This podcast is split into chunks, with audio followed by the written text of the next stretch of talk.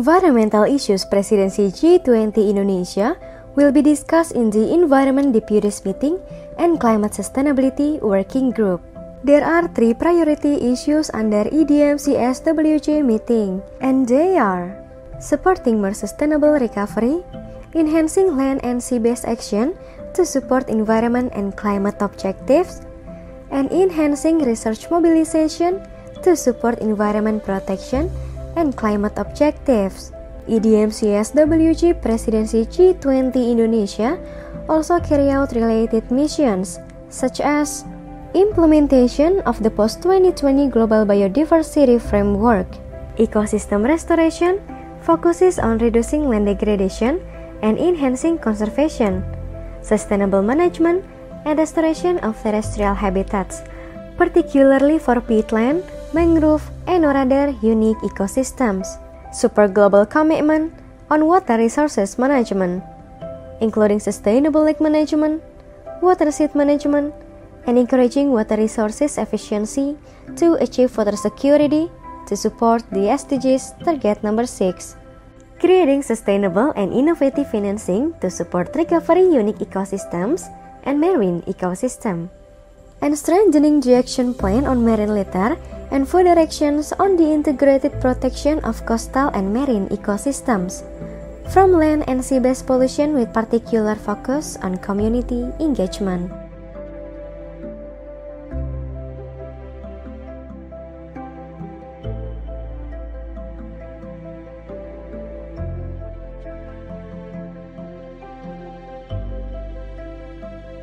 This issue is carried out by EDMCSWG in line with the theme of Presidency G20 Indonesia, Recover Together, Recover Stronger, where the world needs recovery effort from COVID-19, where environmental recovery is one of the best solutions that can be done by every member.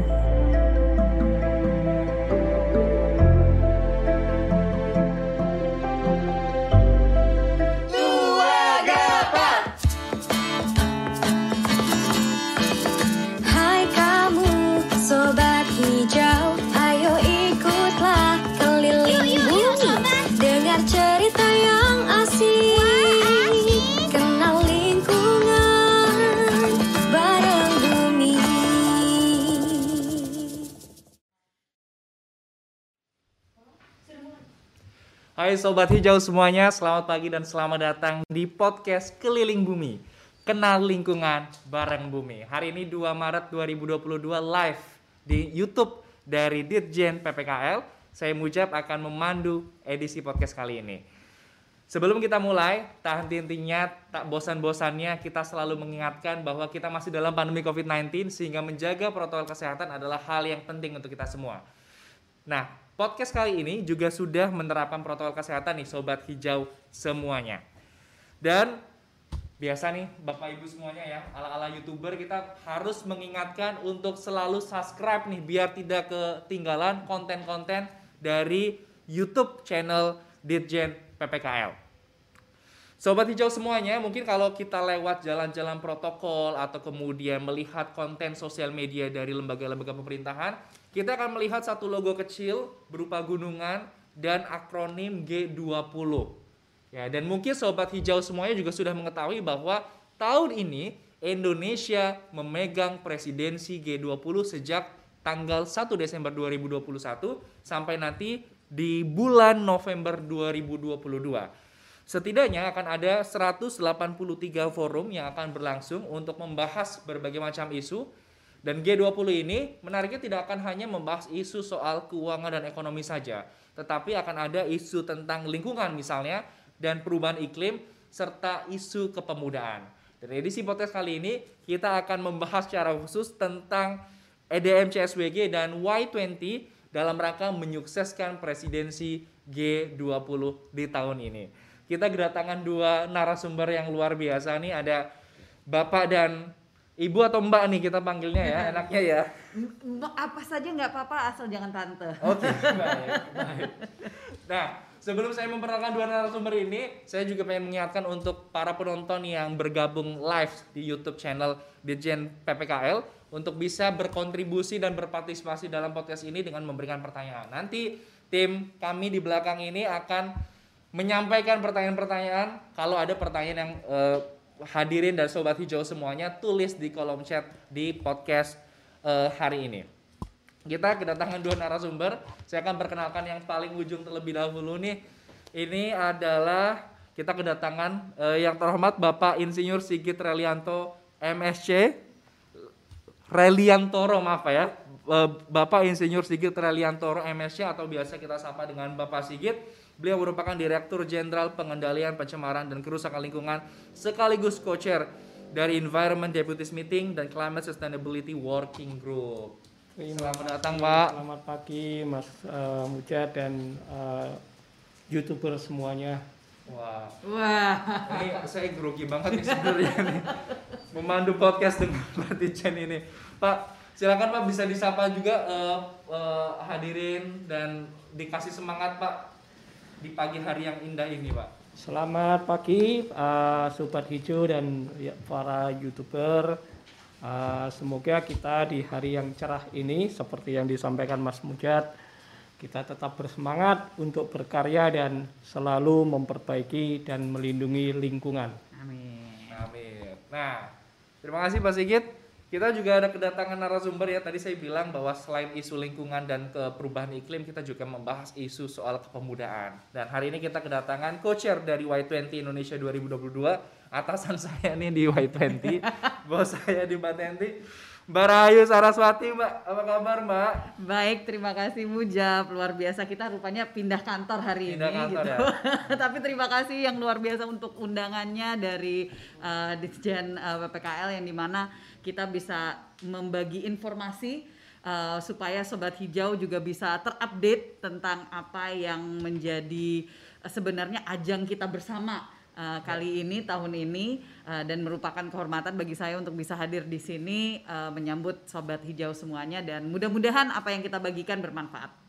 Oke. Pindah Baik. seterusnya ke sini juga nggak apa-apa. Oh siap pak. Oh, siap. Kita, Ada kita- open invitation Iya. sepertinya. Kita basically ini ya, eh, sangat open ya. Siap siap siap. Mobile mobile. Baik, eh, saya pengen tanya ke Pak Sigit terlebih dahulu nih Pak ya terkait dengan G20. Apa itu G20 Pak? Makhluk apa itu G20? Dan apa sih sebenarnya tujuan dari pelaksanaan forum G20 dan kira-kira apa sih yang jadi keuntungan bagi Indonesia memegang presidensi di G20? Jadi sebetulnya G20 itu kan forum informal dari pimpinan eh, dari pemimpin-pemimpin negara. Awalnya negara-negara maju untuk memecahkan masalah-masalah terutama ekonomi dan kemudian berkembang menjadi masalah global. Tapi itu di tahun 10 1999 Eh, dalam perjalanannya dirasa eh, keterlibatan hanya tujuh negara saja tidak cukup, maka ditambah menjadi eh, 20 negara yang mempunyai eh, ekonomi yang dominan. Jadi di G20 ini itu mewakili eh, 65% dari penduduk dunia kemudian 79% dari perdagangan global dan tentu saja hampir setara eh, perputaran ekonominya juga 80% dari perekonomian dunia ada di G20. Tentu saja ini juga penting bagi Indonesia karena kita bisa eh, berkontribusi dan juga bisa eh, membicarakan masalah-masalah global, tidak hanya saja masalah keuangan, perdagangan, tapi juga masalah lingkungan. Dan karena kita juga mewakili negara berkembang, maka kita juga bisa menyuarakan eh, suara-suara dari negara berkembang dalam pertemuan-pertemuan informal ini. Dan biasanya dalam pertemuan informal itu jauh lebih efektif eh, kalau kita menyelesaikan masalah-masalah global. Ya, ini berarti ibarat dalam pergaulan ini geng elit ya. Geng elit yang menguasai pergaulan sosial dengan tadi size ekonomi yang eh, sangat besar, populasinya juga dominan dan lain sebagainya. Dan yang tadi poin penting yang saya tangkap dari Pak Sigit ini tentang sudut pandang negara berkembang ya. Jadi eh, keikutsertaan apalagi presidensi Indonesia di G20 ini membuat kita tuh punya kesempatan ya Pak ya supaya eh, sudut pandang negara berkembang juga diperhatikan agar pembangunan dunia ke depannya nggak cuma dari kacamata barat doang nih Pak. Betul, Ya. betul. Ini makanya penting sekali. Nah, saya ke Mbak Sarah nih, Mbak Sarah. Selain G20 kita punya banyak singkatan lain. Ada Ya. Y20, ada Rupanya bukan hanya W20. Indonesia yang punya banyak singkatan. Iya, ya. Dunia juga punya Dunia banyak juga singkatan. punya Nah, banyak singkatan. Kita nggak akan bahas singkatan-singkatan yang lain. Oke, Eh, siap. Saya akan bahas tentang eh, Y20 atau Yes. Y20. Yes. Forum apakah itu dan apa sih tujuan dari Y20 itu sendiri? Jadi kalau misalkan di G20 ini kebetulan ada banyak atau singkatnya seperti ini. Ini ada dua track. Kan tadi diangkat sebenarnya tentang kekuatan ekonomi ya. Eh, dan memang G20 itu awalnya untuk membahas ya dari segi eh, ekonominya gitu. Tetapi selain dari finance track itu ada yang namanya Sherpa track. Nah, Sherpa track ini untuk mengembangkan isu-isu yang lain. Jadi kita ini di Youth 20 atau Y20 itu adalah satu dari tahun ini ada 10 engagement groups namanya. Engagement groups ini ada Youth 20, ada Women 20, jadi tentang perempuan, isu perempuan, lalu ada Business 20 itu untuk ya bisnis dunia usaha gitu ya. Jadi para CEO CEO itu semuanya ada di situ. besar bos-bos ya, besar itu semua di situ. Eh, korporasi-korporasi dunia gitu ya. Lalu juga ada yang lain-lain. Nah untuk youth, youth 20 itu sendiri atau Y20 ini beda dari eh, ajang yang lainnya jadi mungkin kalau misalkan di dunia hubungan internasional ya sobat hijau mungkin ada yang tahu eh, tentang MUN gitu ya Model United Nations dan seterusnya itu lebih ke simulasi gitu ya jadi me- me- merasakan Ala-ala aja gitu ya. seperti kalau lagi di sidang PBB Iya, kan iya. seperti itu untuk mewakili negara-negara. Hmm. Kalau di Y20 ini ini berbeda karena betul-betul pemuda-pemudinya dari negara-negara G20 dan the EU ya itu perwakilan resmi delegasi.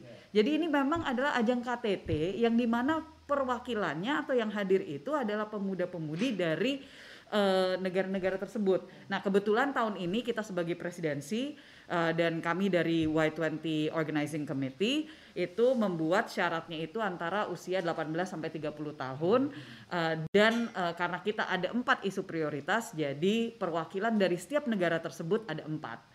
Jadi eh, kita sangat berbangga kali ini bisa host menjadi tuan rumah untuk eh, 80 delegasi dari negara-negara hebat ini. Jadi basically ini satu kanal ya bagi pemuda untuk bisa berpartisipasi dalam kebijakan dunia. Ini luar biasa banget nih ya. Betul. Forum Y20 ini. Ka- Ya, apalagi sorry saya jadi lupa saya tambahkan bahwa hasil akhir dari pertemuan ini karena kan banyak yang mungkin Ya. nanya juga ya istilahnya itu delegasi nanti ngapain gitu Ya. kan Eh, ini bukan hanya sekedar kumpul-kumpul kongko-kongko tetapi eh, mereka itu harus berdiskusi Hmm. untuk menghasilkan satu dokumen yang namanya komunike dan komunike itu yang mewakili suara pemuda-pemudi di- dari negara-negara G20 yang akan diserahkan dokumen itu kepada Leaders Summit gitu. Melalui eh, dalam hal ini adalah Presiden Joko Widodo yang menjadi tuan rumah. Itu setiap tahunnya pasti akan diserahkan supaya suara eh, anak-anak muda ini didengar dan masuk ke dalam leadership de- declaration nanti pada saat eh, Leader Summit di Jadi- eh, G20. kayak semacam rekomendasi kebijakan gitu ya. Betul Pak, sekali. yang- yang Penyampaian dirumuskan. aspirasi. Aspirasi. Baik. Saya kembali lagi ke Pak Sigit nih Pak. Eh, kita tahu bahwa kalau saya lihat di banner-banner ya Pak ya, baliho-baliho di jalan, temanya adalah recover together, recover stronger. Apa makna dari tema tersebut Pak dan kenapa itu diambil? Jadi memang kita kan ada di situasi pandemi COVID. Eh, Indonesia ingin mengajak bahu membahu dengan negara yang lain, tetapi sebetulnya juga tidak hanya terbatas di G20-nya saja, untuk pulih bersama, tumbuh lebih kuat, dan yang paling penting berkelanjutan. Nah itu eh, makna dari tema Recover Together, Recover Stronger. Baik, jadi, jadi memang ini momentum ya Pak ya. Kita masih dalam pandemi COVID-19 dan Indonesia memegang presidensi sehingga harapannya momentum G20 ini jadi ajang bagi dunia ya, bukan cuma Indonesia untuk tadi pulih bersama dan akhirnya menjadi kuat bersama. Betul. Ya, eh, saya akan membahas Pak secara khusus tentang nanti akan kembali mengulas soal Y20, tapi secara khusus saya pengen membahas tentang EDM CSWG nih Pak ya. Yang namanya sangat panjang nih. Environment Deputies Meeting and Climate Sustainability Working Group. Nah, itu apa Pak? Dalam Y, eh, dalam eh, G20 ini Pak. Jadi kalau di dalam eh, G20 itu kan ada beberapa jenis pertemuan. Yang paling tinggi tadi disebutkan adalah konferensi tingkat tinggi di mana seluruh kepala negara dan kepala pemerintahan itu bertemu. Nah, di situ sebetulnya tadi semua muara pekerjaan kita itu disampaikan statement politiknya, komunikenya dari kesepakatan kesepakatan. Kesepakatan itu diperoleh dari ber- berbagai rapat. Ada rapat yang levelnya menteri dan deputi atau eselon 1 atau dirjen gitu. Nah, itu yang eh, levelnya IDM. IDM itu adalah kumpulan dari eh, eselon 1 di negara anggota yang merekomendasikan nanti untuk statement di kementeriannya, para menteri-menteri.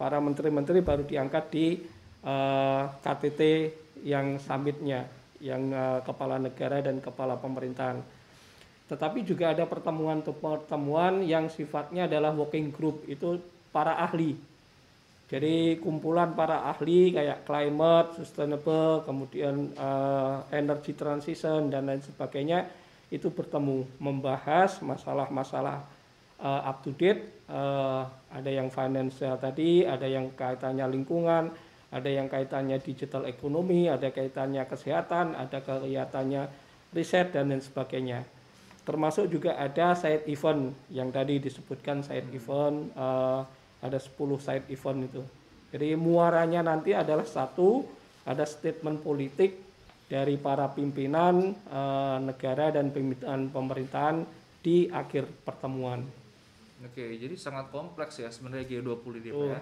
Ada rapat tadi deputisi, ada rapat nanti muaranya di presiden dan sebelumnya akan ada menteri, kemudian set event dan seterusnya. Wah, ini tentu sobat hijau semuanya perlu untuk googling sendiri nih Pak ya. Kira-kira apa saja sih G20. sendiri lah gitu. Tapi pada dasarnya kita membahas dari banyak hal ya Pak ya, tidak hanya ekonomi dan kemudian keuangan doang, dari lingkungan, dari eh, tadi isu kepemudaan, isu perempuan, bisnis dan seterusnya. yang terdaftar saja sudah ada 260-an pertemuan yang direncanakan 260 pertemuan nih kurang lebih saya di briefing 183 nih. Salah nih. 200 berapa, Pak? 60-an 260-an meeting sampai November 2000. Betul. Iya nih kalau hari tuh Ya lumayan hampir tiap tiap-tiap hari. hampir tiap hari ada rapat ya. Wah, luar biasa sangat sibuk sekali Indonesia dan tentu tapi tetap ini adalah kesempatan yang besar ya buat Indonesia ya untuk bisa tadi mengintervensi kira-kira kebijakan dunia ke depannya itu seperti apa. terutama yang paling penting leading by example kita Nah. memberikan contoh-contoh yang sudah kita lakukan Hmm. Oke pak, Eh, terkait dengan tadi EDM CSWG, sebenarnya isu apa sih pak dan topik-topik apa saja yang diangkat dalam pembahasan eh, IDM CSWG itu sendiri pak? Eh, kita menerjemahkan tema besarnya recover together, recover stronger itu menjadi tiga eh, isu utama. Pertama adalah eh, mendukung pemulihan yang berkelanjutan, kemudian peningkatan aksi berbasis eh, daratan dan lautan untuk eh, mendukung perlindungan lingkungan dan eh, penanganan perubahan iklim. Kemudian eh, kita juga menyadari eh, kita perlu eh, sumber daya, perlu dana, maka bagaimana menyusun framework untuk pembiayaan dan sekaligus memobilisasi pembiayaan tersebut tidak hanya dari pemerintah tapi juga dari dunia usaha dan juga sumber-sumber yang lain dari perbankan. Nah, kalau tiga itu diterjemahkan, maka sebetulnya yang mendukung pemulihan itu kita akan bicara khusus mengenai circular economy. Bagaimana mendorong circular economy dan sustainable production and consumption. Jadi fokusnya akan di sana. Kemudian kita juga di topik itu akan bicara mengenai ketahanan air, eh, bagaimana memanfaatkan air untuk urban, kemudian menggunakan pendekatan nature based solution untuk menangani pencemaran. Kita sudah punya contoh-contoh ekoriparian dan lain sebagainya. Dan yang ketiga adalah penanganan sampah eh, laut. Nah, ini akan menjadi isu yang sangat penting selain nanti di sini Ini juga momennya sedang dibicarakan di Dunia 5 di Nairobi. Kita ada isu untuk mengadopsi menjadikan uh, plastik di laut itu sebagai uh, legally binding bagi negara-negara. Uh, nanti kita akan dapat update dari sana untuk dibicarakan di G20. Tapi yang paling penting sebetulnya adalah yang pemulihan, yang pemulihan berbasis daratan dan di laut kita pengen ini akan menjadi flagshipnya Indonesia, terutama untuk pemulihan uh, gambut dan pemulihan mangrove. Hmm. Karena ini menjadi uh, kebijakan dari Bapak Presiden. Kita sudah uh, kalau diskusi dari workshop-workshop internasional, kita itu sebetulnya dari sisi pengelolaan gambut sudah sangat maju. Kita uh, regulasinya lengkap, kemudian bagaimana mengimplementasikan regulasi di lapangan kita sudah punya pengalaman yang luar biasa, dibentuk badan khusus dulu BRG, sekarang menjadi BRGM, kemudian kita sudah memulihkan sekitar 3,6 juta hektar secara hidrologis dan hasilnya adalah uh, tingkat kebakaran hutan menjadi turun.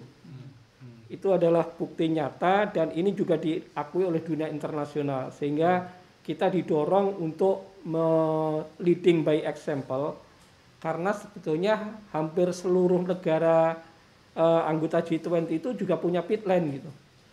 Tapi manajemennya belum se uh, seintensif di manajemen di Indonesia. Hmm. Karena kebetulan memang uh, isu kebakaran lahan gambut dulu kan isu utama. Yeah. Nah, itu yang menjadi concern kita dan itu juga menjadi bagian dari komitmen Indonesia untuk volume net sink. Nanti kalau uh, bicara dengan climate uh, sus, uh, sustainable working group uh, isunya akan mengarah ke sana. Dan kemudian yang mangrove itu kita juga oh ya yang gambut uh, itu kenapa penting? Karena meskipun dia tiga persen dari uh, seluruh permukaan bumi, hmm. tapi dia itu menyimpan karbon sampai 30 persen jadi begitu kebakar maka uh, 30% hmm. karbon itu rilis uh, hmm. terlepas ke atmosfer dan menjadi uh, faktor uh, yang paling utama dalam uh, climate change.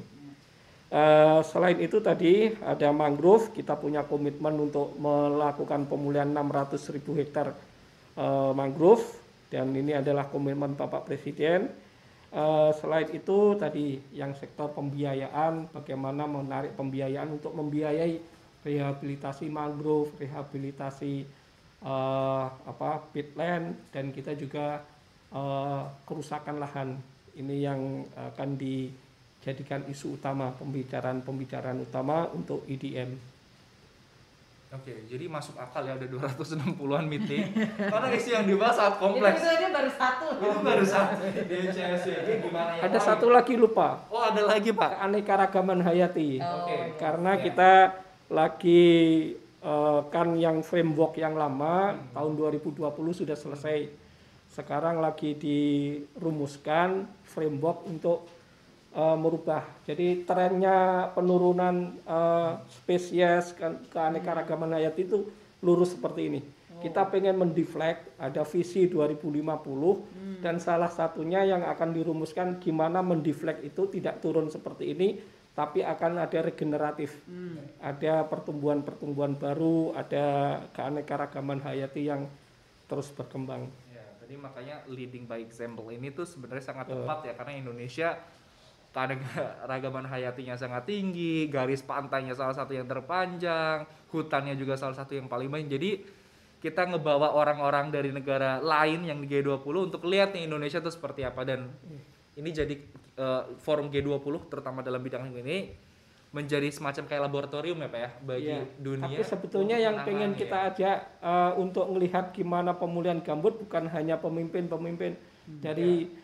Y20 pun sebetulnya juga kita oh, pengen siap, ada tuh melihat langsung yang sudah kita lakukan biar bisa bercerita nanti ya, di betul sekali. ininya. Betul. Ini bocornya nanti bakal ada visit ya. Uh, side visit. Side visit. Bukan side visit tapi belajar dan mengartikulasikan. Oh. Nah, itu dia. Ya, kita tunggu nanti konten-konten selanjutnya. Field trip kalau gitu. Field trip, field ya. trip bukan side visit lagi, field trip. Oke, nah ini saya ke Mbak Sarah di soal Y20. Hmm.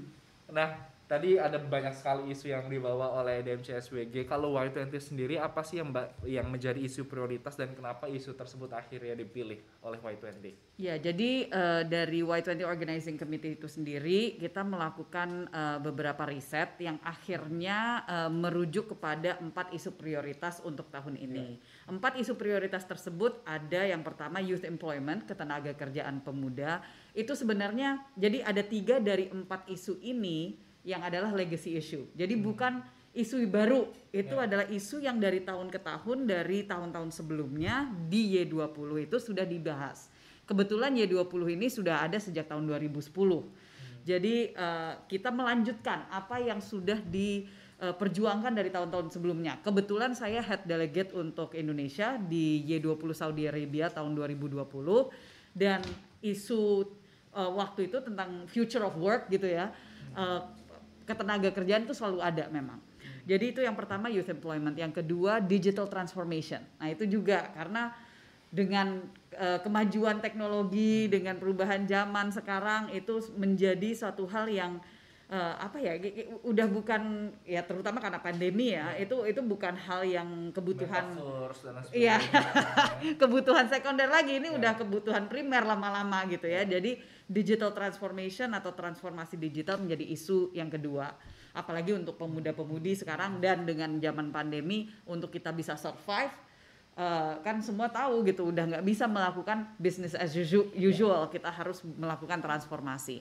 Isu yang ketiga adalah eh, sustainable and livable planet. Nah ini yang berke- sangat berkaitan erat dengan eh, isu prioritas dari G20 itu sendiri dari presidensi eh, Indonesia eh, maupun juga dalam hal ini adalah rekan-rekan dari eh, working group eh, dan juga dari eh, apa engagement group yang lainnya yang saya rasa hampir sama ada soal eh, apa eh, transisi energi gitu ya ada tentang eh, climate crisis. Nah, ini kita semua eh, apa eh, memasukkan itu semua eh, dalam isu prioritas yang namanya eh, sustainable and livable planet atau planet yang berkelanjutan dan layak huni.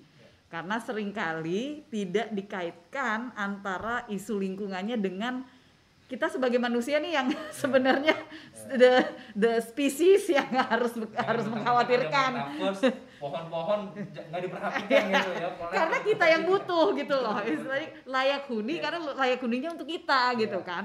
Jadi kalau bicara tentang climate crisis jangan dibuat seolah-olah itu tentang planetnya aja loh. Iya. justru planetnya bisa aja terus ada kitanya yang kitanya yang nggak ada. Kita nggak punya planet opsi yang nggak ada opsi yang lain. ada saat, saat ini belum ada saat ini belum ada.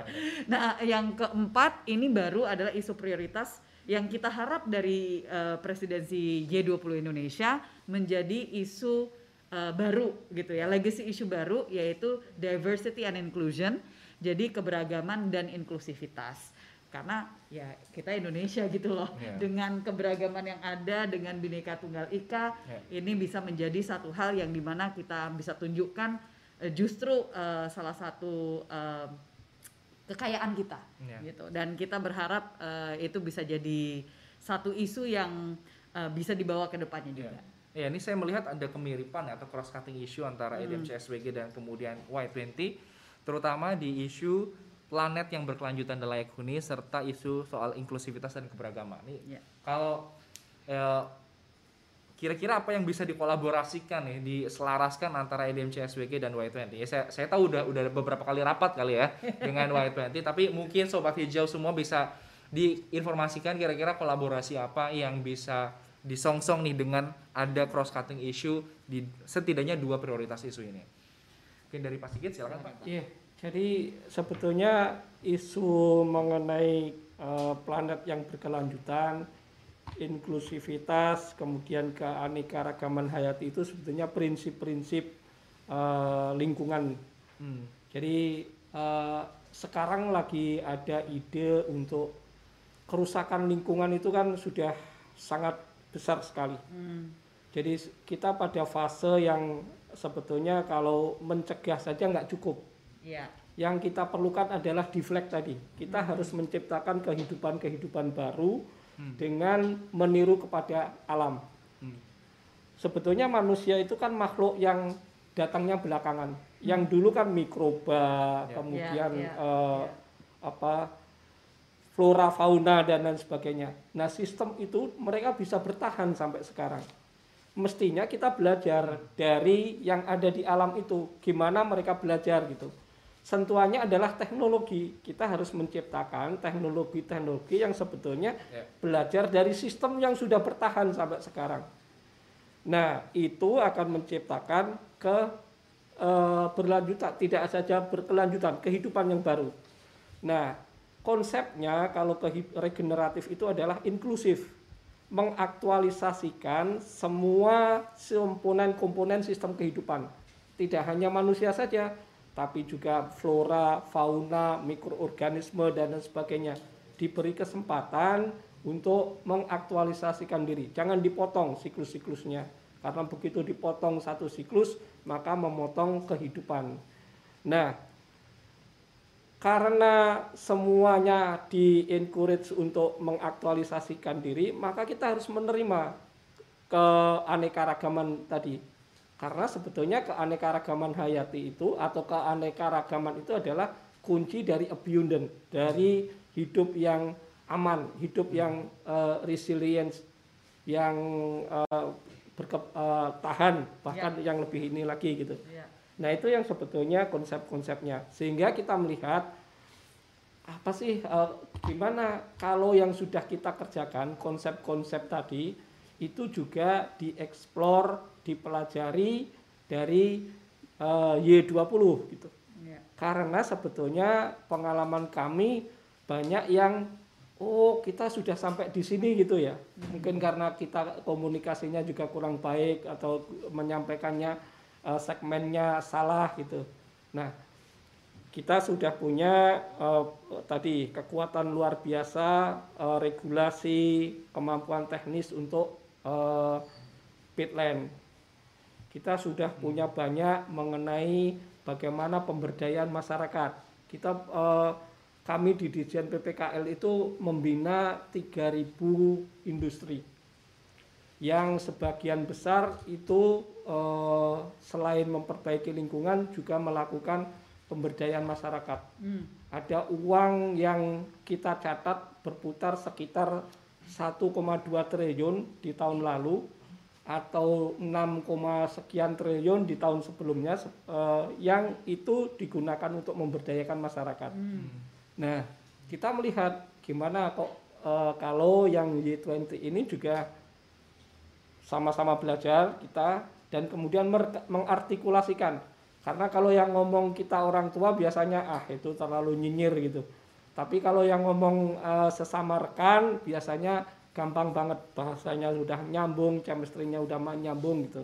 Jadi terbuka peluang sekali karena sebetulnya konsep-konsep lingkungan itu sama Eh, inklusivitas, keberagaman dan juga keberlanjutan. Hmm.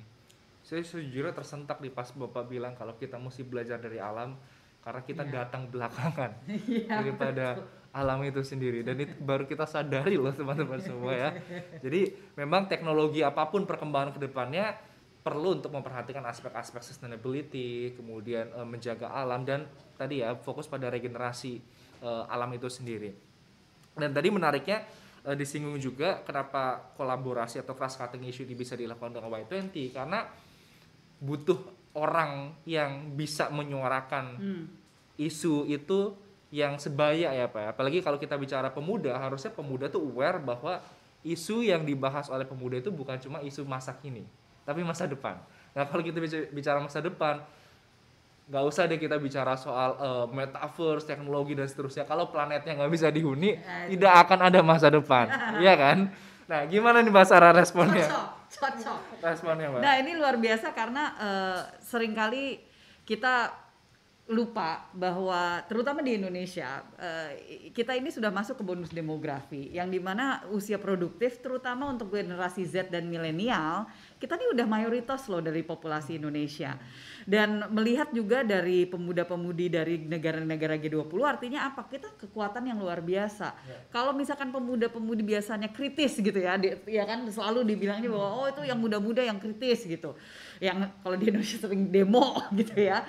Nah bagian dari kritis ini ya eh, harus kita tafsirkan, harus kita translate ke dalam action gitu kan. Nah, action itu salah satunya ya tentunya dengan kita s- kalau dalam hal ini jadi jubir nih Jab Ya. gitu ya. Jadi jubir untuk bisa menyuarakan kepada teman-teman, kepada komunitas, kepada yang lainnya, ini loh yang sedang dikerjakan gitu kan. Supaya jangan mengkritiknya itu juga udah salah ngomongnya Ya, terus habis itu eh, udah salah target Ya, gitu. ya. Tapi kita juga bisa mengedukasi, Ya. mengedukasi dan sepertinya sebenarnya juga kita lihat di Y20 ini kenapa isu ini sudah ada terus sebenarnya sekali lagi ini udah legacy issue yang cukup lama. Artinya memang anak muda ini peduli gitu loh. Peduli dan dengan kita sekarang adalah misalnya di Indonesia adalah mayoritas penduduk eh, dari segi jumlah gitu ya kita sudah 53% loh. Eh, Pak Sigit eh, Mas Mujab kita sudah 53% penduduk Indonesia yang masuk dalam generasi Z dan milenial. Kekuatan yang sangat luar biasa dan artinya eh, dengan kepedulian itu kita bisa mudah-mudahan menginfluence juga para stakeholders. Dan itu dalam hal ini adalah lewat dokumen yang namanya komunike. Ya. Nah, itu dia yang satu hal juga yang kita apresiasi dari Presiden Joko Widodo adalah beliau menginginkan tahun ini di G20 ini bukan hanya sekedar narasi aja. Bukan hanya sekedar kita ketemu terus bicara Slogan and then gitu that's ya. it gitu Ya, kan ya. nggak ada hasilnya, tapi betul-betul mau ada eh, kerja nyata gitu. Bentuknya apa sih gitu. Nah, ini yang dengan dorongan ini kepada pemerintah juga dan kepada uh, stakeholders yang terkait termasuk B, B20 kan itu ya bagian sektor usaha swasta gitu ya. Uh, ini ada kolaborasi luar biasa uh, antara public and private sector. Nah, ini yang uh, mudah-mudahan jadi inisiator untuk ke depannya di mana uh, lintas usia, lintas Ya. latar belakang kita semua bisa terlibat untuk membawa perubahan. Iya. Apalagi kalau saya lihat di Instagramnya Y20 ya Mbak. Saya lihat nanti akan ada di daerah-daerah juga ya. Ini Iya. berarti satu usaha juga ya sebenarnya untuk menjangkau anak-anak muda di daerah untuk Jadi bisa aware terhadap ada isu hal itu. yang luar biasa yang terjadi dengan pandemi yang biasanya tahun-tahun sebelumnya itu tuh pre pra KTT-nya, pre Iya. summit-nya itu dilakukan di beda-beda negara. Iya, iya. Kali ini kita meng- eh, memutuskan untuk mengadakannya di Indonesia semua. Hmm, Dan dengan demikian yang mungkin tadinya anak-anak muda di daerah itu nggak tahu tentang G20, nggak tahu tentang apa itu working group, Iya, engagement group, eh, apalagi tentang climate sustainability, sustainability working group, ini jadi tahu.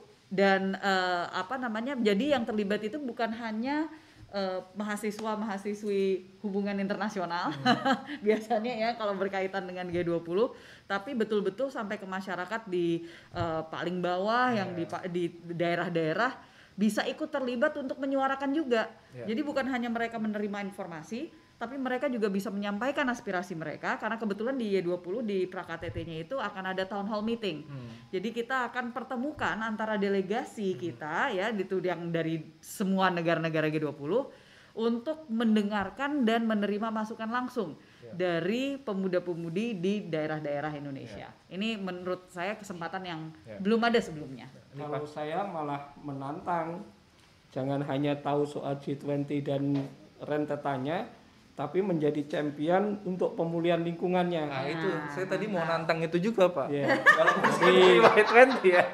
gimana bisa menjadi champion pemulihan ekosistem gambut. Iya. Paling tidak nanti satu turun lah, terus Nah. kemudian bercerita. Kemudian kita kan banyak eh, lubang-lubang tambang tuh. Hmm. Bagaimana melakukan pemulihan Iya. lubang tambang, Hmm. salah satunya dengan constructed wetland. Jadi kita meniru hutan lahan buatan. Hmm. Ya. Nah, nanti harus ada yang ke sana tuh belajar mengartikulasikan. Kemudian ke- semuanya dikonsepkan inklusif, kemudian gender, kemudian juga pemberdayaan masyarakat.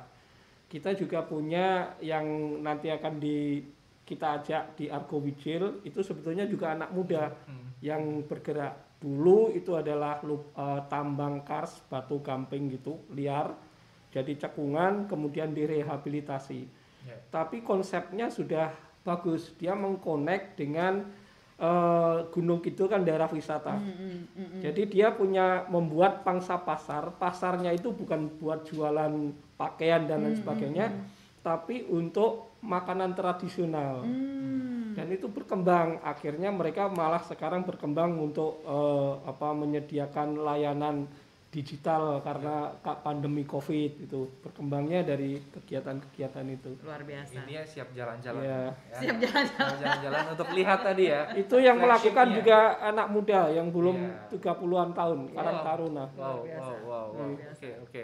Nah, Pak tadi sudah dijelaskan ya banyak isu ya soal sirkular ekonomi, perubahan iklim, pemulihan yang berkelanjutan dan seterusnya nih. Sejauh eh, proses IDM CSBG ini sudah dilaksanakan dengan rapat-rapat dan seterusnya, respon dari negara lain itu seperti apa, Pak? Dengan isu wacana isu yang diangkat oleh IDM CSBG itu sendiri. Jadi kita awalnya ah, hanya menawarkan beberapa yang sudah eh, lazim dilanjutkan karena biasanya pertemuan-pertemuan yang diselenggarakan tahunan eh, katanya eh, itu adalah forum yang bagus untuk membenamkan, menghilangkan ide-ide eh, brilian. Ya. Karena begitu pindah negara, akhirnya kan isunya berpindah Iya, gitu. iya. Nah itu eh, yang kita akan jaga. Jadi framework yang sudah ada di G30 tetap kita pertahankan dan itu dapat apresiasi. Kemudian kita eh, beberapa kali pertemuan. Eh, pertama adalah yang dengan Sirpa meeting dengan seluruh anggota, mereka memberikan masukan, apresiasi. Kemudian pertemuan bilateral dengan Arab Saudi, kemudian Jerman nanti sore, kemudian dengan Jepang, dengan Inggris dan lain sebagainya. Mereka apresiasi dengan isu yang diangkat oleh Indonesia dan terutama Jepang eh, itu sangat apresiasi dengan mangrove. Hmm. Kemudian yang pitland kita punya eh, dukungan yang kuat dari eh, organisasi internasional FAO, IFAD dan juga negara-negara yang lainnya juga. Itu is- yang sangat eh, diapresiasi. Sejauh ini belum ada catatan-catatan yang mereka berkeberatan dan bahkan mendukung. Bahkan yang mendaftarkan untuk datang pun juga sudah lumayan banyak Hmm. eh, hampir hanya tujuh negara yang ma- apa kira-kira masih eh, belum apakah datang atau online. Hmm. Lainnya sudah mendaftarkan eh, jumlah delegasi yang akan Ya. hadir di Yogyakarta untuk pertemuan pertama. Oke, jadi dukungan terus mengalir dan Iya. harapannya juga ini jadi tanda positif ya Pak ya. Betul. Sampai nanti akhir G20 isu ini jadi isu yang memang jadi perhatian bersama. Selain isu mungkin keramah taman Indonesia juga menjadi faktor Oh, mantap, penarik Betul. di untuk datang di Indonesia. Hospitality kita nomor Jadi satu. pertemuan pertama di Jogja sudah siap Betul. berapa gudeg Pak nanti untuk para delegasi. Jadi mereka akan kita ajak untuk melihat Candi Borobudur. Oke. Ya. Ya. Kemudian ada eh, satu tempat yang bagus yang lewat jalan-jalan kampung. Kemudian mereka akan kita ajak dari Borobudur ke situ untuk makan siang. Cuma empat setengah kilo, tapi mudah-mudahan di empat setengah kilo itu pada peluk-pelukan ngomongin masalah secara informal. Hmm. Sambil jalan melihat sampah, mungkin idenya jadi segar gitu. yang berantem menjadi cepat paham. Kemudian bahasanya anak sekarang itu ke Iya. hidden gem, Pak. Betul. Ya, nyari hidden gem gitu kalau bahasa anak sekarang. Kemudian kita juga akan memperkenalkan batik karena itu adalah eh, flagshipnya Indonesia. Eh, kita akan diterima oleh eh, Ngarso Dalem Mhm. untuk eh, masuk istana. Kemudian beliau akan menerima sendiri dan kemudian eh, kita akan eh, mungkin karena ada apa? Ada overlap dengan eh, Energy Transition Working Group, eh, kita akan makan malam menikmati sendera tari Prambanan. Wah, mantap. Wah, mantap ya. Itu jadi kita selain diplomasi juga ingin eh, ada kenang-kenangan eh, impresi bahwa Indonesia itu sudah maju, berbudaya, inklusif, kemudian diversity-nya. Ya, experience ya berarti kita Betul. memberikan experience yang baik Ya, daripada diomongin mungkin mengalami sendiri akan lebih terkenal. Eh, betul betul. eh, Betul eh, sekali. eh, terkenang. Ya ya. Kita tadi udah bicara banyak nih soal isu nih. Kira-kira kalau misal sobat hijau di rumah ini yang menyaksikan pengen mempelajari lebih lanjut, apakah bisa diakses melalui website dan seterusnya? Ya. Kalau kalau untuk Y20 bisa di www.y20-indonesia.org uh, dan kita juga ada di medsos, Ya. uh, di YouTube juga ada. Jadi tinggal di search aja Y20 Indonesia. Uh, itu pasti akan muncul. Dan semua informasi bahkan uh, kita juga uh, mempersilahkan untuk ikut serta dalam kegiatan-kegiatan uh, kemarin sudah ada kick off meeting itu bisa disaksikan. Nanti juga ada pra KTT atau pre summit itu juga bisa ikut menyaksikan juga. Bahkan interventions uh, dari negara-negara lain juga bisa disaksikan.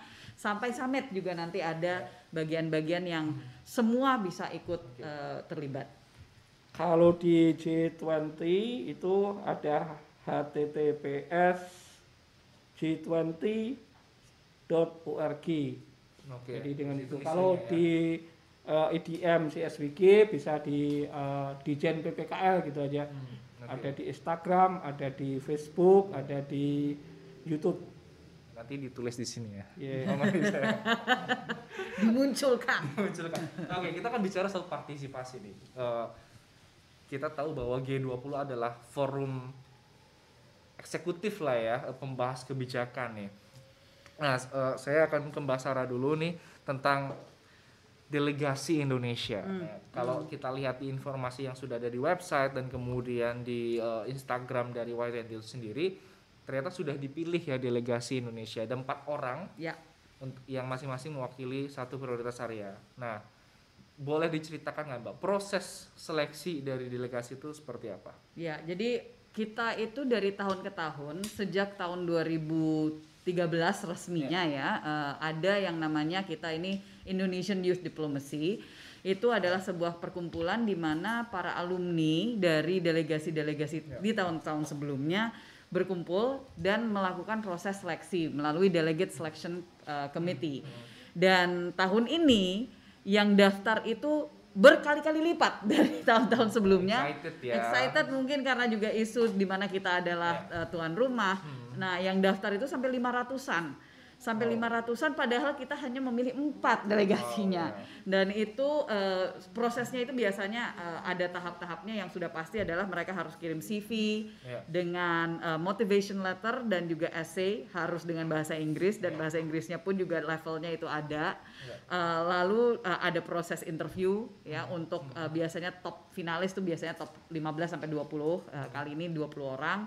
Dan juga ada tambahan kali ini harus mengirim video uh, dua menit. Dan juga ada open discussion untuk top 20-nya itu. Yang akhirnya empat orang terpilih ya uh, tiga dari proses tersebut dan satu dari proses seleksi di Kemenpora. Ya, jadi sangat kompleks ya Mbak ya. Jadi Ya. Dari administrasinya tadi harus eh, dipastikan cara Dan- menulisnya seperti apa, bahasa Inggrisnya. Dan kita asesornya itu kan semua para alumni ya. Jadi kita semua sangat mengerti apa yang dibutuhkan untuk bisa mewakili Indonesia di ajang internasional ini. Dan itu kita kalau nggak salah sampai 20 orang yang jadi asesor. Jadi betul-betul sangat eh, transparan dan eh, tidak bias sama sekali. Karena kita juga melihat satu dari yaitu inklusivitas pasti diperhatikan. Iya, iya. Eh, dari segi keberagaman latar belakang para delegasi juga Iya, eh, terla- eh, ter- eh, terlepas dari itu juga ada you know eh, kesetaraan gender dan seterusnya tapi pastinya merit based gitu kan Iya. harus berdasarkan sesuai dengan eh, keahlian mereka masing-masing Iya. kebetulan kita punya Marciela Panji sebagai head delegate dan juga dia adalah eh, untuk track youth employment Iya. Uh, ketenaga kerjaan pemuda di mana uh, dia dari latar belakangnya kantor staf presiden. Nah kalau Marcel Satria dia untuk uh, digital transformation uh, dan dia ker- uh, kerjanya sehari-hari dari Dana Indonesia. Ya. Uh, latar belakangnya luar biasa bahkan uh, lulusan Oxford University of Oxford gitu untuk master's degree-nya. Kita juga punya Nashin Mahtani yang adalah uh, direktur uh, dari Yayasan Peta Bencana dan Climate Emergency Software Alliance gitu ya. Uh, dan itu untuk uh, track uh, sustainable and livable planet. Yang bakal sering komunikasi nanti. Nanti pas pasti akan ya. tektokan langsung Ya. karena memang dan sekali lagi mereka pakar-pakar masing-masing. Ya. Dan untuk diversity and inclusion kita ada uh, AB atau Abdullah Syukri uh, dari pergerak PMII uh, Pergerakan Mahasiswa Islam Indonesia. Jadi kita sangat beragam dan sangat uh, ter- terwakili gitu ya. Uh, yang di mana memang mereka eh, telah melalui proses seleksi Ya. yang luar biasa. Oke, wah, luar biasa ya.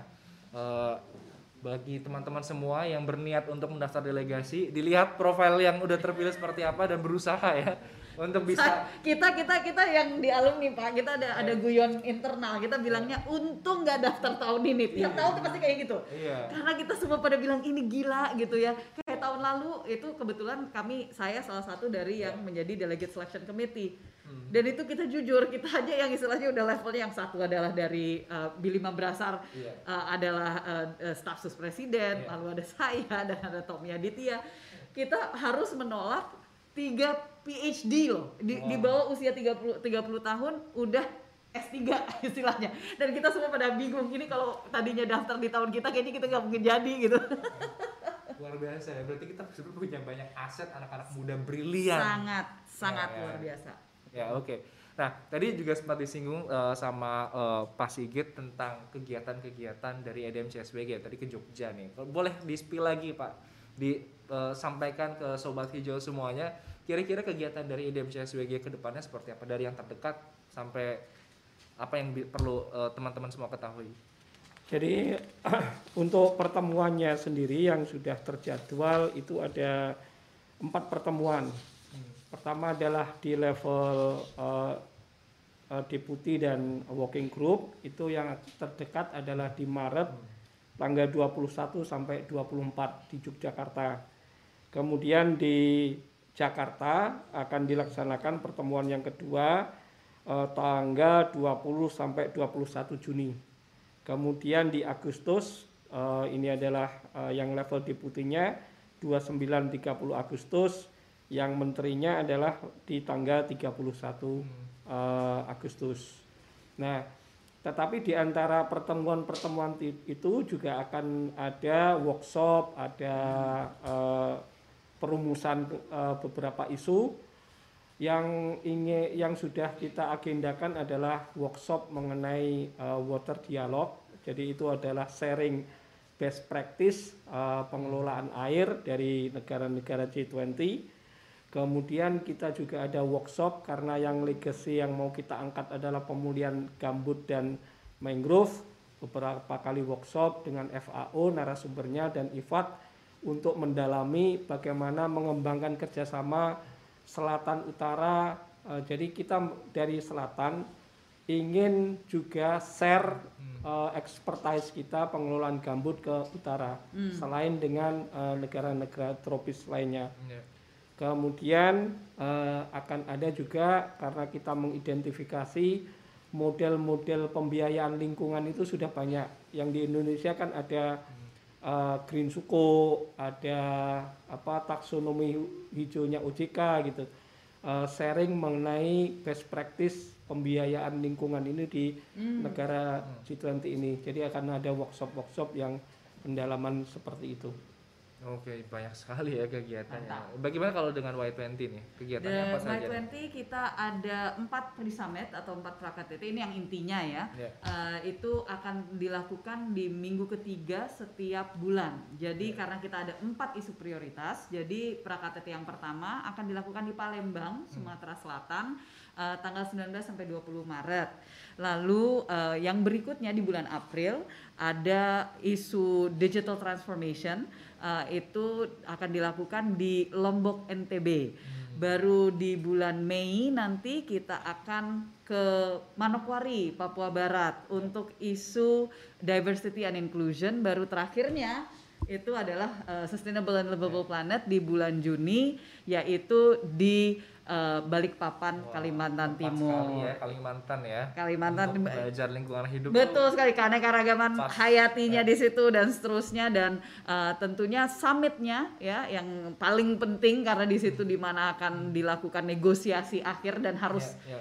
musyawarah mufakat itu di- diberlakukan di uh, summit itu itu akan uh, dilakukan di tanggal 17 sampai 24 Juli Ya. 2022 di Jakarta dan Bandung. Ya. Oke oke.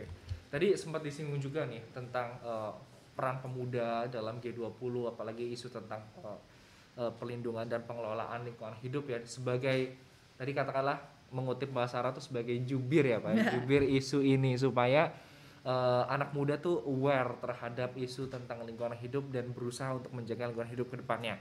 Nah, eh, bagaimana nih soal partisipasinya, Pak?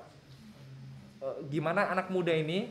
Kita udah tahu nih, kita butuh anak muda sebagai jubir. Partisipasinya akan dibuka dengan ruang seperti apa, Pak? Eh, jadi memang kalau dilihat eh, profil media sosial kami Hmm. di IG itu sebagian besar follower kita itu justru anak muda. Oke. 26 sampai 36 tahun.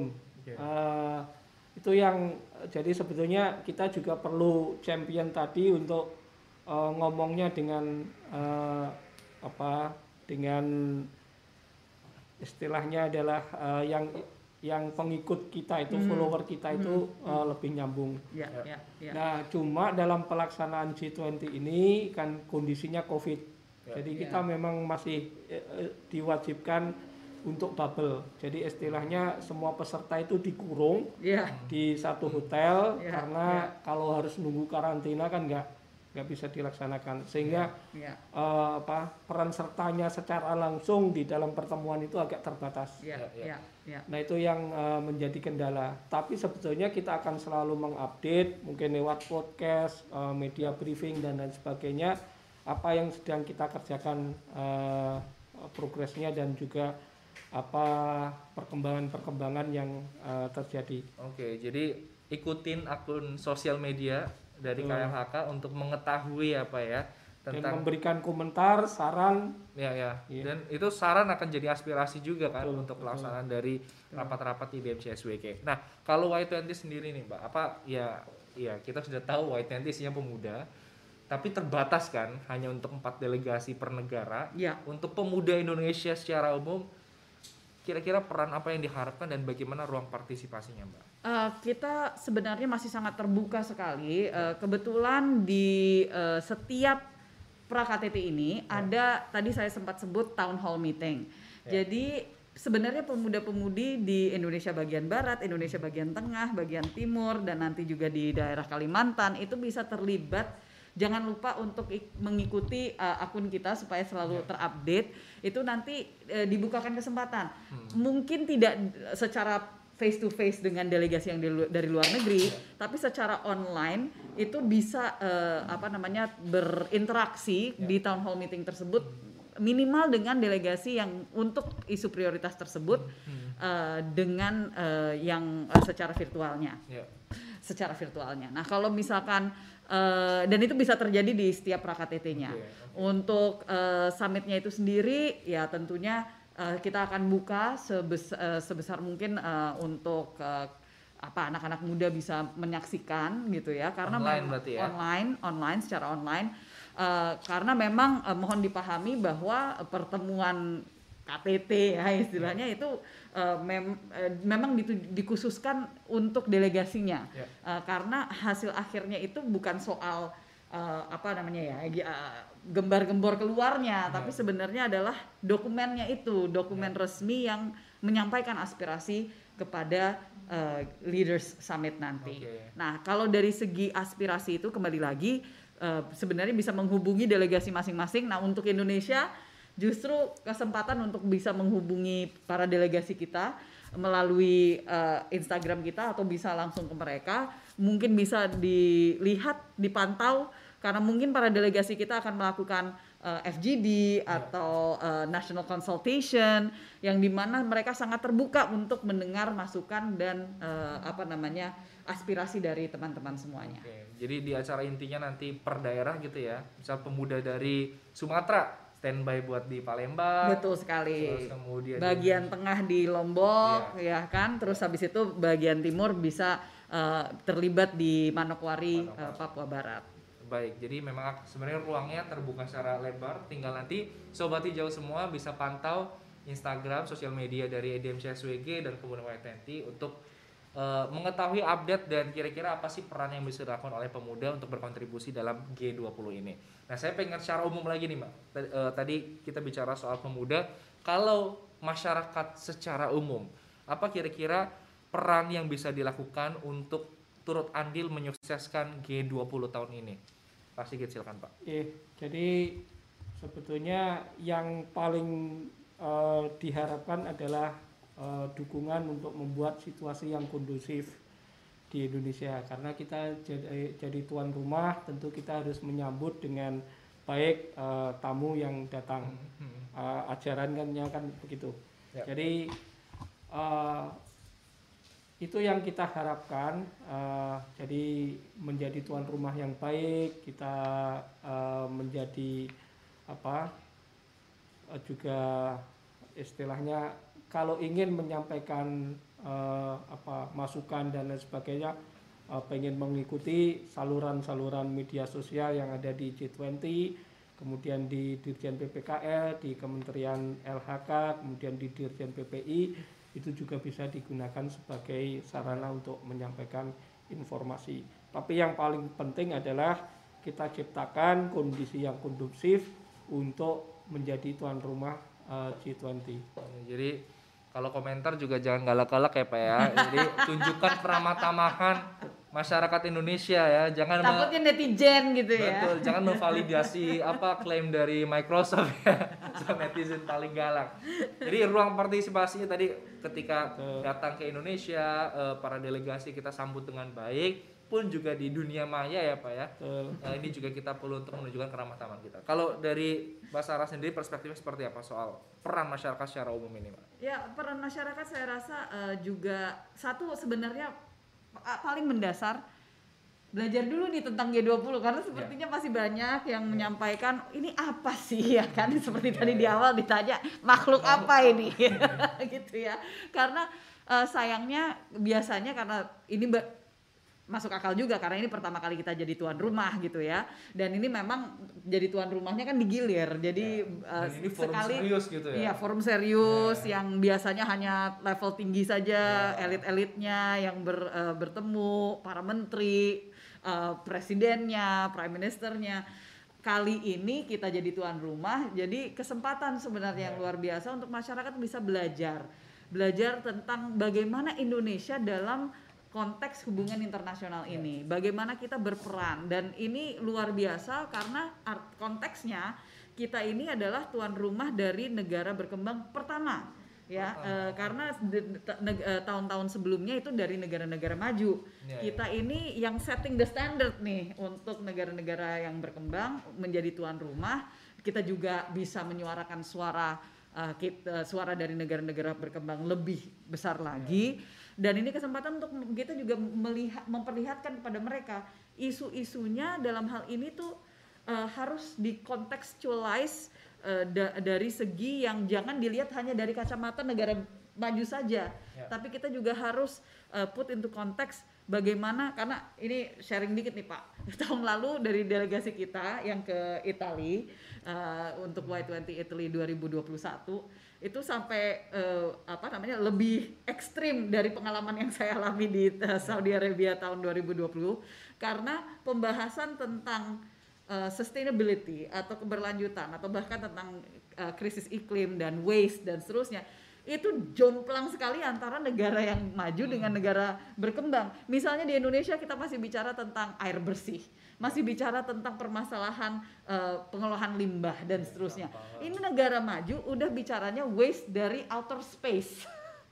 dari luar angkasa itu sampai delegasi kita tuh sampai istilahnya bingung ini gimana untuk untuk me- mem- apa mem- mengcompile satu suara itu yang harus disepakati bersama dan dimasukkan ke dalam komunika yang sangat terbatas gitu kan. Ya biasa kita tahu nggak mungkin kita nulisnya 100 halaman kan gitu.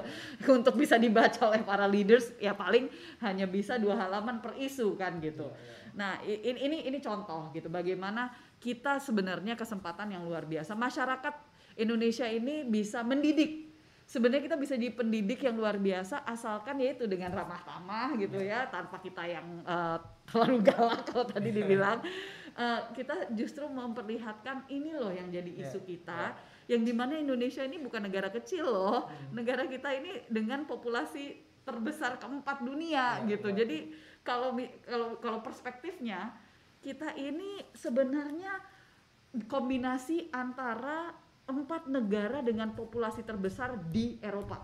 Hmm. UK, Italia, Jerman sama satu lagi. Jadi bayangkan empat negara jadi satu itulah Indonesia. Indonesia. Ya, ya. Nah itu konteks yang kita harus berikan kepada Ya. negara-negara lain ini bahwa kita ini negara besar, Ya. tapi isu kita ini masih sangat mendasar dan kalian juga harus memperhatikan kita. Iya ya.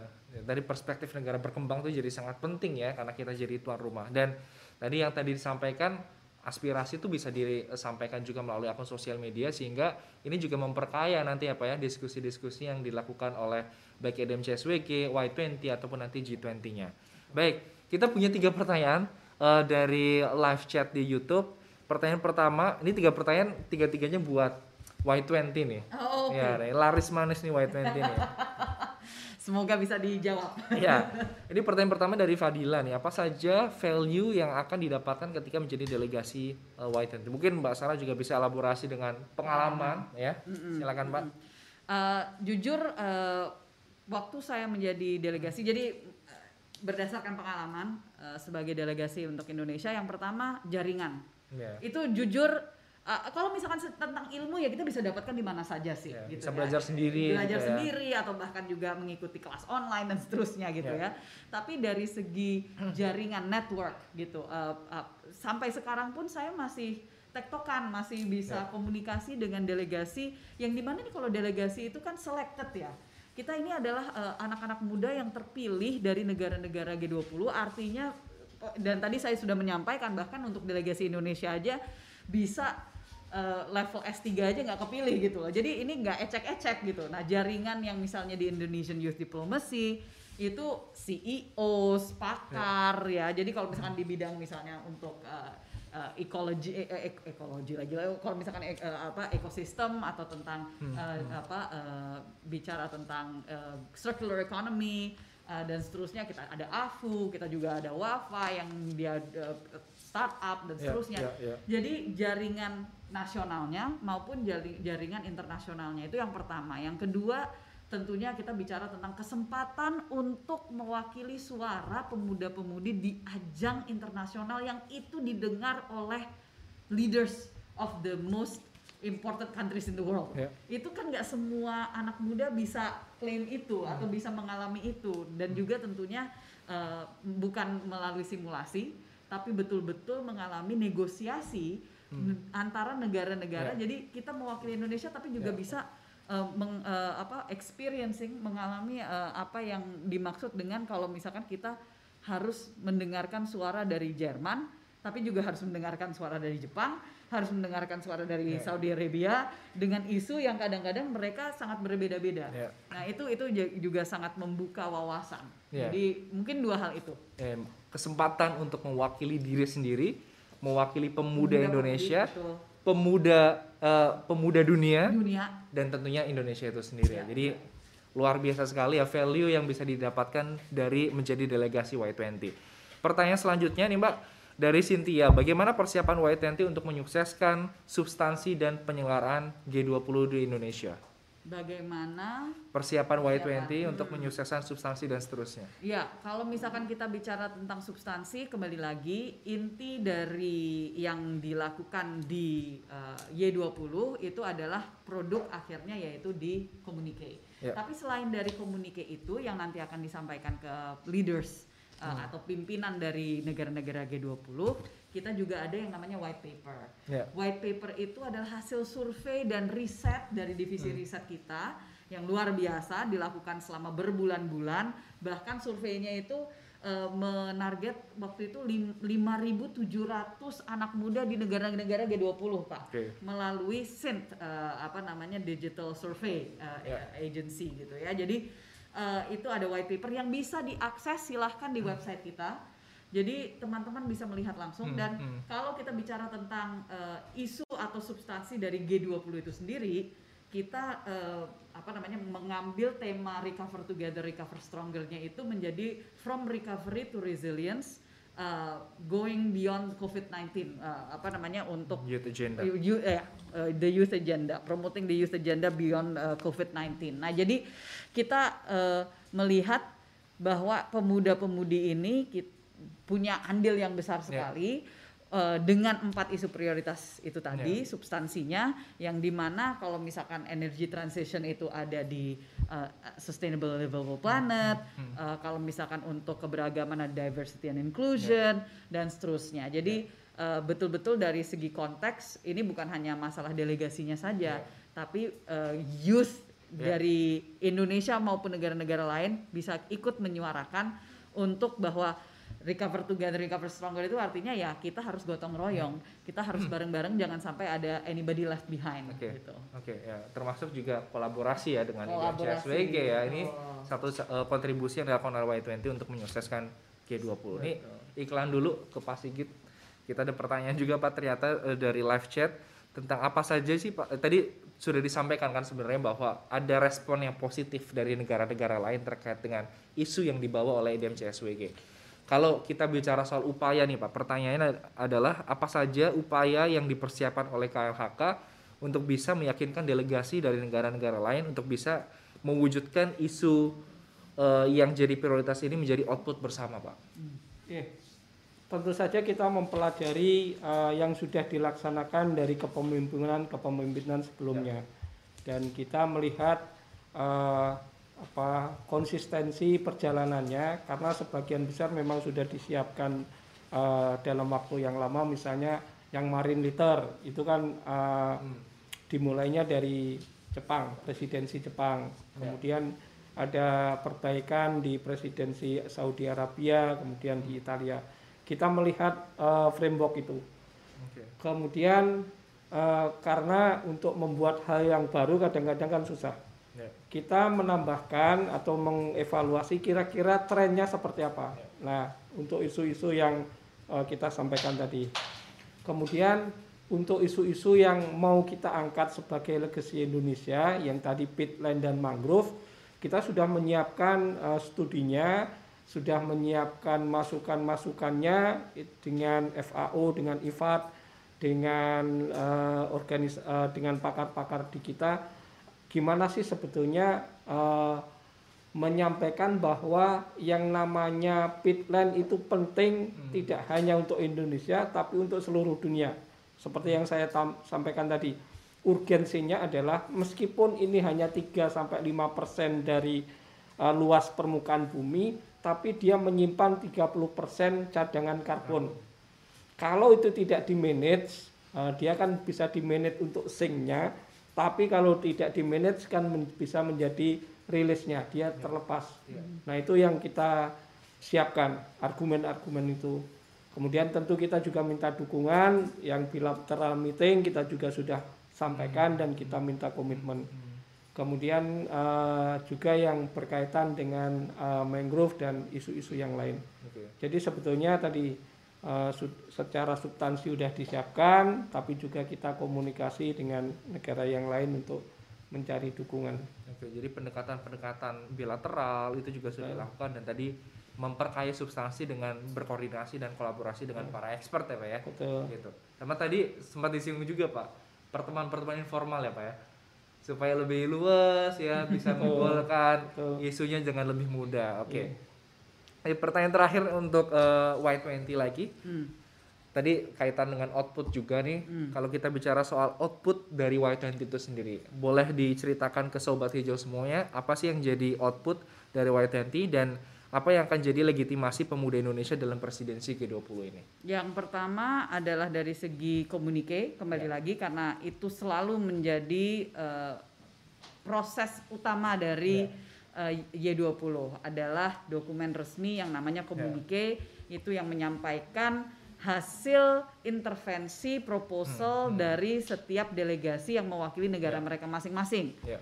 itu yang akan disampaikan kepada presidensi untuk disampaikan ke leaders meeting. Ya. Yang terus itu pun juga harus kita lobby. Jadi jangan berpikir bahwa hanya komunikasinya udah ada, Udah, ya, selesai, ya. gitu. Padahal komunike itu bersama dengan nanti kita juga bahkan di Indonesia ini kita adakan annex. Oke. Dan annex ini Makhluk apa itu aneks makhluk apa itu? Jadi itu dokumen tambahan gitu Ya, ya, di luar dari komunike yang di mana itu bisa digunakan untuk melobi lebih dalam lagi kepada eh, stakeholders di negara mereka masing-masing. Karena jangan lupa ini bukan hanya Indonesia saja yang harus mel- dilobi tapi kita harus melobi uh, memastikan bahwa stakeholders di negara G20 yang lainnya Oke. itu juga ikut serta mendukung apa yang menjadi hasil Ya. uh, pembahasan uh, dan negosiasi anak-anak muda dari negara-negara ini.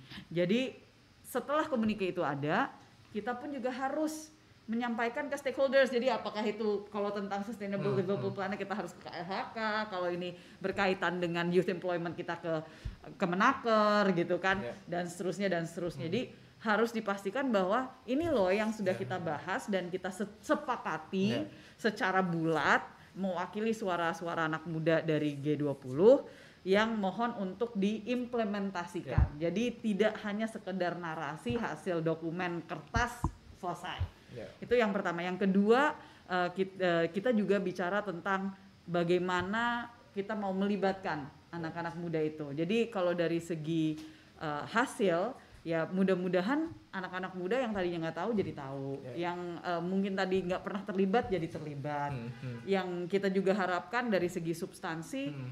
eh, itu juga ada awareness, kesadaran yang lebih tinggi Hmm, bukan hanya untuk anak-anak muda Indonesia tapi justru seluruh dunia karena ini kan live streamnya kan bukan hanya untuk di Indonesia Ya. tapi bisa untuk eh, ke seluruh dunia Ya. dan kita juga ada yang terakhir adalah namanya Y20 Awards ini adalah hasil nyata di mana inisiatif Ya. dari anak-anak muda di seluruh dunia nggak harus negara G20 bisa ditampilkan bisa eh, istilahnya mereka bisa men- me- menonjolkan bisa bisa mengajukan untuk mendapatkan Y20 Award. Itu ada dua kategori. Kategori pertama adalah untuk youth leaders yang kedua adalah untuk youth organization. Ya. dan ini untuk per priori, isu prioritas ada eh, youth leadernya yang an- nanti akan terpilih dan itu akan ditonjolkan. Oke. pas summit. Jadi Oke. eh, saya rasa ini bukan kita nggak bicara hanya sekedar narasi tapi juga bagaimana eh, inisiatif itu semacam kayak startup gitu loh Jap ya, ya, ya. startup di isu prioritas masing-masing Ya. yang bisa ditonjolkan dan bahwa ini loh yang kita dorong dan nanti dari Y20 Awards itu ada mentorship Oke. eh, dengan eh, orang-orang hebat gitu Ya, ya, ya. CEO CEO gitu nanti mereka akan ada ada ada semacam pembinaan. Oke, jadi sobat hijau bisa berpartisipasi ya kalau punya satu karya, punya gerakan gitu ya, bisa betul, di-apply betul ke sekali. Apalagi Life lewat Awards. yang SLP track eh, apa track untuk planet berkelanjutan dan Ya, layak huni ya. bisa sekali. Ya, sekali lagi ini bukan cuma forum kumpul-kumpul doang ya, bukan simulasi ya Pak ya, tapi kita akan membahas masa depan dunia melalui forum-forum G20 ini. Ini nggak terasa nih kita udah sejam ngobrol banyak dari segi isu, dari segi partisipasi dan seterusnya. Eh, Sobat hijau semuanya, kita akan mendengarkan nih closing statement dari masing-masing eh, tentang bagaimana kita bisa menyukseskan G20 ini. Silakan Pak Sigit lebih dulu. Eh, Sobat hijau sekalian, jadi kita akan menjadi tuan rumah. Tentu saja sebagai tuan rumah kita harus menerima tamu dengan baik, tetapi kita juga harus menyiapkan eh, eh, hal-hal yang nyata yang bisa kita jadikan contoh dari apa yang akan dibicarakan. Jadi eh, itu semua memerlukan dukungan dari sobat hijau semua dan tentu saja eh, dukungan selain dari substansi juga dukungan untuk menyemarakan menggelorakan eh, pertemuan G20 di Indonesia ini. Oke, kolaborasi ya Pak ya. Kolab- Kolab. Baik, terima kasih Pak Sigit atas eh, waktunya dan tadi penjelasan yang luar biasa tentang EDM Chess Week dan G20. Semoga saya selalu Pak ya. Terima kasih. Amin, amin. Mbak Sarah, closing statement Mbak. Singkat saja. Ya. Ini kesempatan sekali setiap 20 tahun teman-teman Ya. untuk kita bisa eh, terlibat langsung dan menjadi tuan rumah untuk Y20 dan G20 tentunya. Ini kesempatan untuk kita terlibat bukan hanya terlibat tapi justru show of force gitu loh dan ki- kita bisa menunjukkan inilah pemuda-pemudi Indonesia dan inilah eh, suara-suara kita yang mau kita sampaikan supaya betul-betul eh, pemimpin-pemimpin dunia terutama yang ada di dalam G20 ini mendengarkan Ya. karena ini adalah tentang masa depan kita bersama. Jadi jangan lewatkan kesempatan ini bisa eh, apa eh, mencoba cari tahu dan in touch dengan eh, menghubungi eh, para delegasi kita supaya suara kalian pun juga ikut terdengar di ajang Y20 kali ini.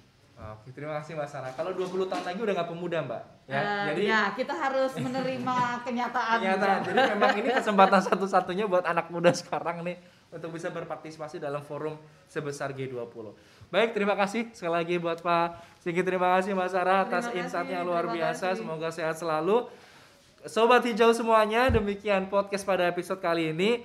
Eh, saya tidak lupa untuk mengingatkan untuk mengikuti Instagram dari Dijen PPKL di @dijenppkl underscore KLHK serta akun sosial media lainnya.